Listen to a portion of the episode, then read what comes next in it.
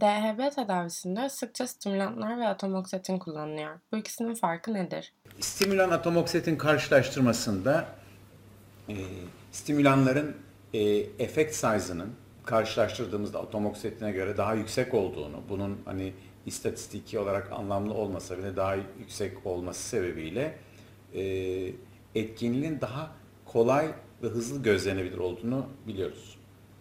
Şimdi burada bu gözle baktığımızda stimülanların yapamadıkları üzerine e, düşünüp orada hangi nasıl bir boşluk var diye ya da stimülan neyi karşılamıyor diye düşündüğünüzde saat meselesi önemli bir konu. E, özellikle rebound yani ben ne zaman stimülan kullanmakta zorlanırım?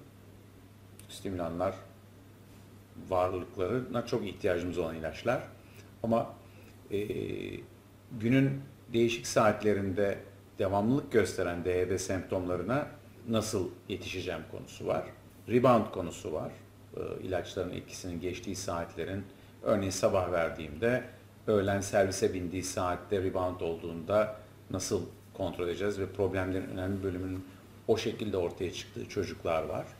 Bu çocukların da bir bölümünün e, sizlerin de belki böyle bir izlenimiz vardır. Rebound kimlerde daha çok oluyor diye baktığımızda moodla ilgili semptomları daha çok olan çocuklarda işte anksiyeteye yatkınlık, e, irritabilite semptomları olan, karşıt olma, karşı gelme bozukluğu olan çocuklarda daha çok e, olabiliyor.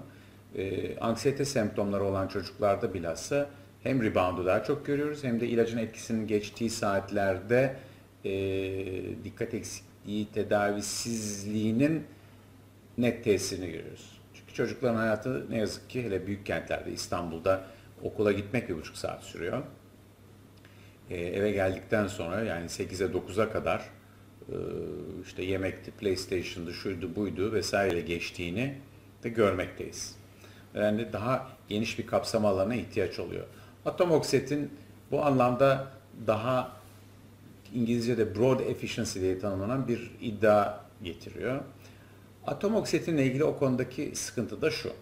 Atom oksetin her ne kadar tek dozla bunu e, sağladığını birçok durumda görsek de bir grup çocukta e, tek doz atom oksetin kullanımı e, da gün boyu etkinlik açısından ikiye bölünmüşe göre daha zayıf kalabiliyor. Bu konuda aslında e, 1990'larda yapılmış bir iki çalışma da var.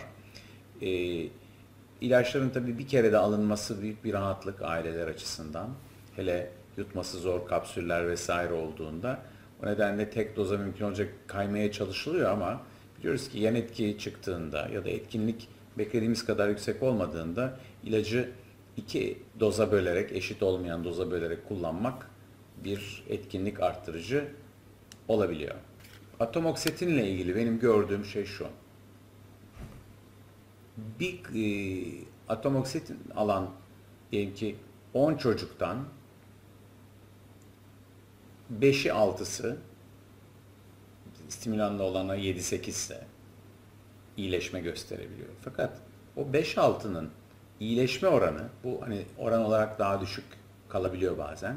Fakat o iyileşme oranı e, şaşırtıcı derecede yüksek oluyor. Yani iyileşme oranı gösteren çocukların sayısı onda bir iki kadar daha düşük gözükse de iyileşmiş olanlar yani semptomlardaki iyileşme oranı çok yüksek olabiliyor. Dolayısıyla iyi gelen kişiye çok iyi geldiğini görüyoruz.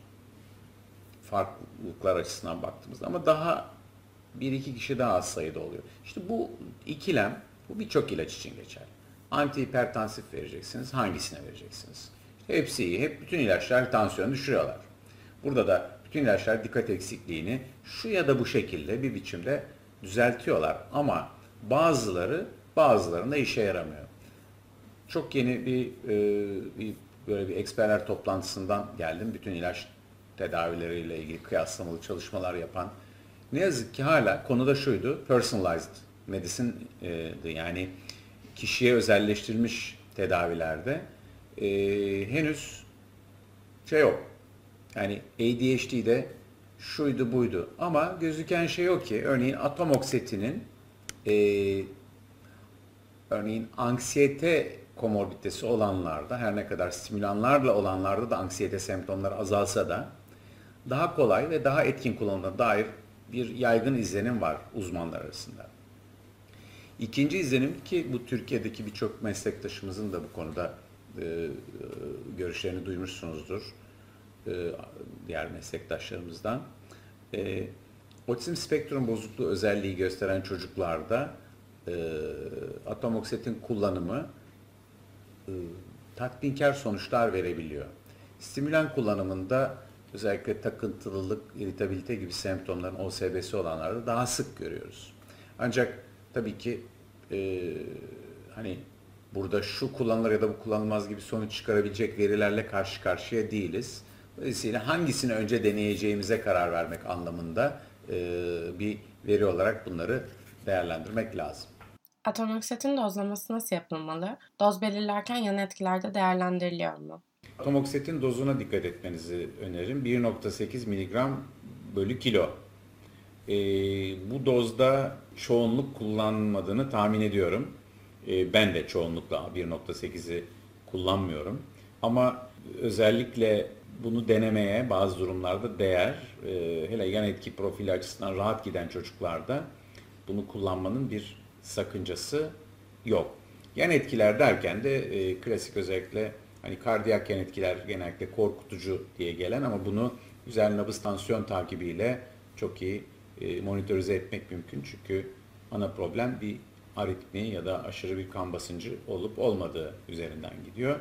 Ve kronik kullanımın aslında sorunu biliyorsunuz bu tip şeyler. Bütün e, yayınlara baktığınızda. Bir başka şey de tabii atomoksetin ne diyebilirsiniz ki size en çok rahatsız eden yan etki vesaire ne oluyor? Sinirli kırçınlık ne zaman oluyor da ilacı hızlı dozunu yükselttiysem, acele ettiysem, acelecilikten her zaman problem çıkıyor. Bir iki kişi de reçetede yazılmış olan bu suicidal ideation konusunu getirdi ve bunlar böyle 6-7 yaşında çocuklardı. Ee, belki sizlerin de yaşadığınız. Diğer yandan bir süre bekledikten sonra yakın takipte olan çocuklarda bunlar semptomların hafiflediğini yani kalktığını yani suicidal ideation'ın kalktığında gördüğümü söylemeliyim. Çünkü ilaç kullanımında e, en büyük mesele hani aile hastaya soruyorsunuz işte ne kullan? Bir sürü ilaç ismi sayıyorlar. İşte 12 gün kullandık, bunu bir gün kullandık. İşte bunu reçetesini okuduk, kutusunu bile açmadık filan. İlaç seçmek e, bizler için pek sorun değil ama bunun çocuğa yararını en iyi şekilde nasıl kullanılacağını anlatmak mesele. Bir de tabii özellikle kamu sektöründe yoğun iş yükü altında çalıştığımızda hastalarımızla o andaki temasımız dışındaki iletişim kanallarını kurma imkanı olmadığında süreci takip etmek zor oluyor. Dolayısıyla en ufak bir rahatsız edici etkide aile kime nasıl danışacağını bilemediği için birçok durumda tedavi diyor ki olmaz olsun bırakalım. Ama bu sefer yerine ne koyacağı biliyorsunuz tekrar bir randevu almak bile bazen büyük bir mesele oluyor. Buna bir çözüm e, her bölüm kendi çerçevesinde bulabiliyor. Bazen tedavi başlanmış olanların e, bu tür akut durumlar için başvurabileceği bir hat kuran bölümler var.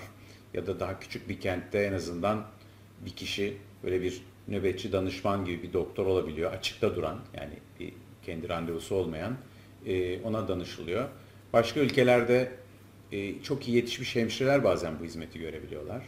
Atomoksetin ve diğer ilaçların da etkinliğini beklemek bazen aileler için zor olabiliyor. İlaçların etki etme süreleri hakkında neler söylenebilir? Önce şu söyleyeyim, etkinlik genellikle 4 hafta içinde başlıyor. İlk bir hafta içinde de ilk işaretler var. Ama etkisiz kararını vermek için 12 hafta beklemek tavsiye ediliyor. Etkinlik 4 hafta içinde başlamadıysa ve yaklaşık etkin doza geldiysek belki o noktada 12 haftayı beklememek bir mesele. Ama örneğin bir stimülan kullandığımızda 3-5 gün içinde hatta bazen ertesi güne oh diyen aileler var. Şimdi burada sıkıntı şu. Bir acele var ama bu acele aslında kronik bir problemi çözüyoruz. Büyük bir ihtimalle en az birkaç yıldır semptomların devam ettiği bir durumla karşı karşıyayız. Bunu bir hafta ile bir ay arasında, bir ay içinde çözmek arasında aslında pratik olarak bir fark yok. Ama tabii orada derdi çeken kişiler açısından baktığımızda bir an evvel problemden kurtulma arzusu biraz hiperaktif bir arzu oluyor. Bir dürtüsel semptom aslında. Hemen çözülsün. Peki bugüne kadar neredeydiniz? Ya işte bir ay sonra TEOK sınavımız var. Ona yetişmek istiyoruz. Bu bizi tabii zor duruma sokan bir şey. Hastamızın tabii ki ihtiyacını en hızlı şekilde örneğin baş ağrısı olan bir insan diye düşünelim. Ben bir baş ağrısı ver, ilacı vereceğim. Bir ay sonra halledilecek. Bu biraz zor. Bunu ama biliyorsunuz baş ağrısında da bugün e, antiepileptikler kullanılıyor. Ama ne yapıyor? Bir ay sonra başlayacak olan bir antiepileptik kullandığınızda, valproik asit mesela kullandığınızda 2 ila 4 haftada baş ağrısı ile ilgili kontrol ancak başlıyor. Çünkü etkin doza ulaşmak vesaire.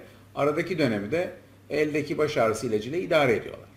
Şimdi aslında iyileşmeyi beklemeye dönük olan sabırsızlığın bir tür DHB belirtisi olarak da görmek mümkün. Ama aileyi nasıl yönetebiliriz? Bir kritik bir zamandaysa, mesela sınava iki hafta kalmış, aile birdenbire DHB olduğuna karar vermiş, gelmiş, bu çocuğu bir an evvel dikkatini arttıralım. Böyle bir zamanda ben e, bu tedavi talebini pek karşılamıyorum. Şu sebeple 12-13 yıl DHB ile büyümüş, hiçbir çalışma alışkanlığı olmayan e, bir çocuğun sınavda dikkat hatası azalsın diye bir ilaç tedavisi vermek, bu hangi ilaç olursa olsun, e, DB kavramını bir parça e, bozuyor. Çünkü sınavdaki performansını yükselttirerek meseleyi çözemeyeceğimizi biliyoruz. E canım onu halletsek ne olur? Tabii ki eğer bir uzun süre bir tedavi yapıyorsak ve onun bir parçası olarak çocuğun işte diyelim TEOK performansı çok önemli. Bunu düzeltmiş olmak çok güzel bir şey. Fakat endeksimizi o performans arttırıcı, arttırıcılığa koyduğumuzda tedavi odağımızda biz de yanıldığımızı düşünüyorum. O nedenle hızlı tedavi ihtiyacını hayati bir tehlike yoksa işte kaza geçirme şu bu vesaire hani o tür olaylar çok sık olmuyorsa veya başkalarına zarar verme işte kırma dökme okulda hani tehlikeli olaylar oluşması gibi meseleler varsa o noktada zaten hızlı etkili olacak tipte hatta sadece DHB tedavisi değil bazen irritabilite tedavisi gibi ajanları da kullanıyoruz. Ama bu tür bir akut ihtiyaç yok ama kronik bir ihtiyacın akut bir şekilde karşılanması talebi varsa bunu yapamayacağımı söylemek benim yöntemim. Bu kesit Yankı Yazgan'ın DHB tedavisinde atomoksitin kullanımı başlıklı sunumundan alınarak hazırlanmıştır.